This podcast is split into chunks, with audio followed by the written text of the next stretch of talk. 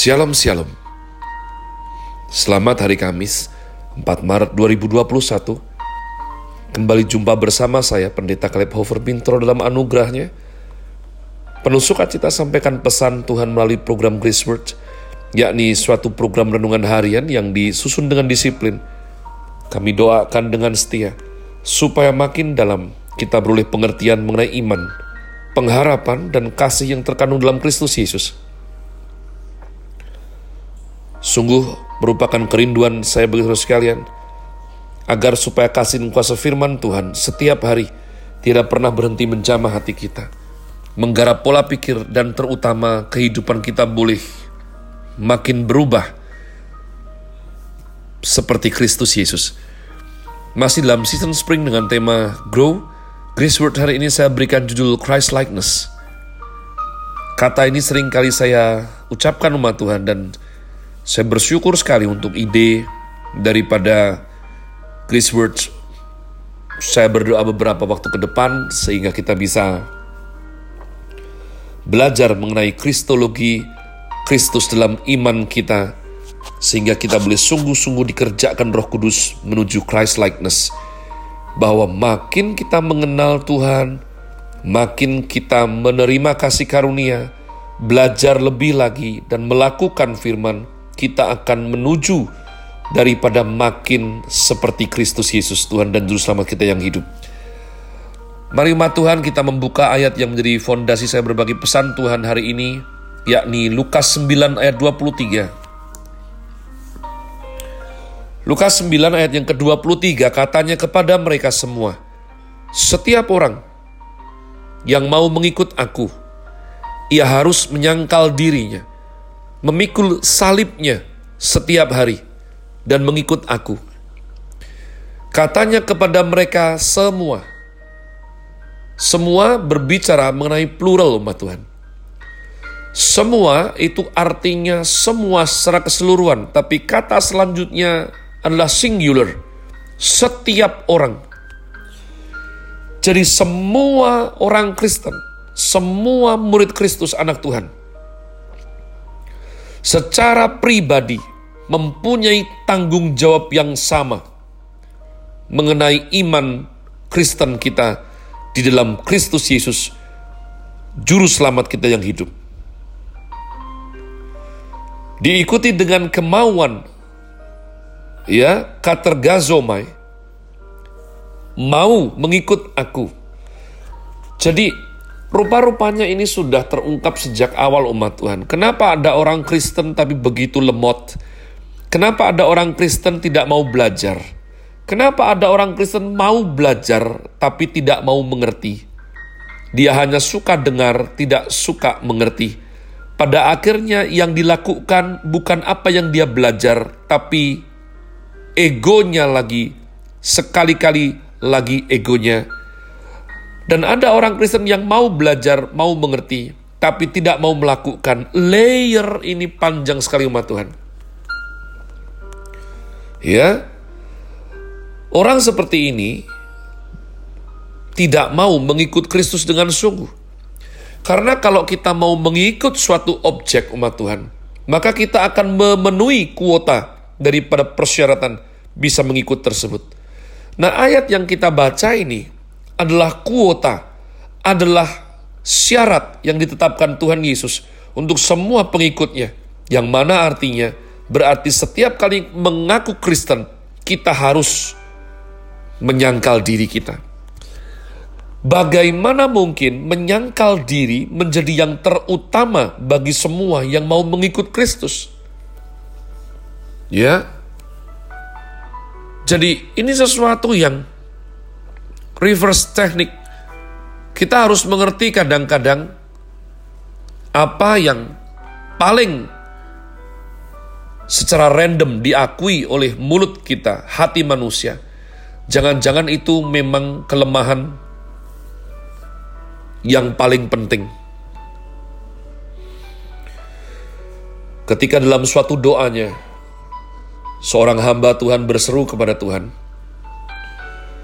Tuhan, tolonglah aku untuk aku tidak jatuh daripada narkotika lagi.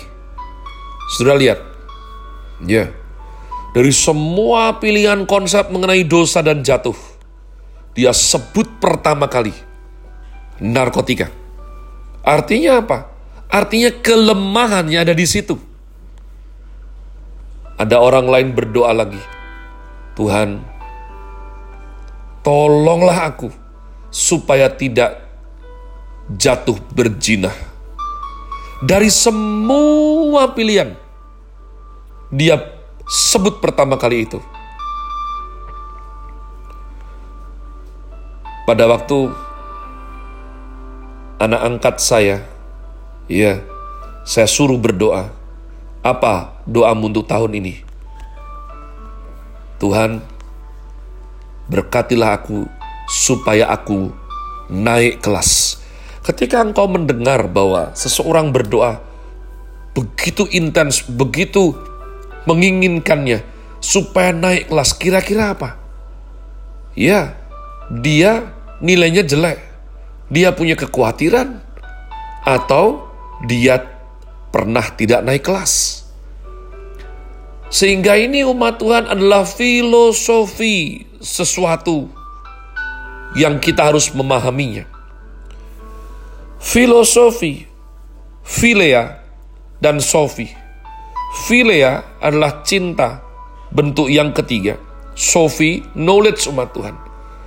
Ya, mencintai knowledge, mencintai pengetahuan, pengen tahu, intens, mengetahui sesuatu, itu adalah suatu hasrat. Jadi kalau pertama disebut ia harus menyangkal dirinya. Kata Tuhan, kalau kamu mau mengikut aku, ia harus menyangkal dirinya, maka kita bisa faham. Hal pertama penghalang seseorang mengikut Kristus adalah dia selalu mengikuti egonya. Saya selalu takjub dengan bagaimana Tuhan itu mendidik jiwa saya untuk ayat-ayat tertentu yang sudah saya khotbahkan berulang kali. Seperti ayat ini misalnya umat Tuhan Lukas 9.23 yang barusan kita baca. Tapi saya sendiri pun dididik oleh Tuhan. Jadi, ternyata kelemahan orang Kristen nomor satu adalah egonya. Adalah dia mengkesampingkan firman Tuhan walaupun tahu adalah dia mengkesampingkan Yesus Tuhan. Walaupun dia tahu, tapi dia mau menuruti egonya. Egonya yang mau dia penuhi, egonya yang mau dia puaskan. Saudara ingat manusia pertama yang jatuh dalam dosa, Bapak Adam, Oma Adam, maafkan, Opa Adam, Oma Hawa. Kenapa? Kenapa mereka jatuh dalam dosa? Karena mereka menomor satukan egonya. Ya, Tuhan bilang jangan makan, tapi mereka pengen makan. Dilihatnya buah itu menarik, maka dipetiknya, digigitnya, dan dimakan berdua. Perintahnya jelas, jangan makan, Kenapa mereka makan? Karena mereka menuruti egonya. Jadi, saya percaya ini bukan kebetulan. Ini bukan random. Namun karena Tuhan Allah Sang Pencipta betul-betul mengerti kelemahan manusia yang mengikut dia. Kalau kita mau menjadi Kristen yang sejati, anak Tuhan yang sungguh, murid Kristus yang benar. Nomor satu, harus menyangkal diri. Harus menyangkal diri. Berarti dalam kasus Opa Adam, Oma Hawa, ingin sekali makan buah pengetahuan yang baik dan jahat, maka seharusnya mereka bilang, tidak, aku pingin, tapi Tuhan tidak boleh. Tuhan lebih penting aku kurang penting menyangkal diri. Sudah bisa lihat itu? Ya. Harus Tuhan yang diutamakan. Harus Tuhan yang kita kerjakan. bukan aku. Inilah langkah Christ likeness menjadi Kristen yang sejati umat Tuhan. Maka ketika kita mau melakukan sesuatu, kita lihat begitu berbenturan dengan firman Tuhan, maka yang harus kita lakukan adalah menyangkal diri. Tuhan yang terpenting, bukan kita yang terpenting. Kehendakmu ya Tuhan. Oleh karenanya Tuhan Yesus memberikan keteladanan di taman Getsemani saat itu. Bapa, kalau boleh, jadi keinginan Tuhan sebagai manusia kira-kira apa? Kalau boleh lalukanlah cawan ini daripadaku. Karena Tuhan sungguh mengerti apa yang akan menimpa dia. Rasa sakit penderitaan sengsara seperti apa yang akan menghunjam, mengkoyak daripada tubuh manusianya. Dia mengerti. Hasratnya adalah, kalau boleh Bapak, lalukanlah cawan ini daripadaku. Namun, nah ini sudah aku lihat. Ya, ketika berbenturan, Mana yang lebih penting? Mana yang kau menangkan dalam hidupmu? Kehendakmu yang jadi, bukan kehendakku. Sudah lihat? Tuhan kasih contoh kita. Jadi sebelum saya bahas panjang lebar besok, saudaraku ya. Kalau engkau sungguh mau mengikut Kristus, kalau Christ likeness adalah kerinduan saudara, maka nomor satu Tuhan bilang apa? Kamu harus menyangkal dirimu karena tanpa menyangkal dirimu, kamu akan memikul salib yang kamu kira salib, padahal itu bukan salib. Dua hari ke depan saya akan bahas mengenai hal tersebut, umat Tuhan. Have a nice day. Tuhan Yesus memberkati saudara sekalian. Sola. Grazie.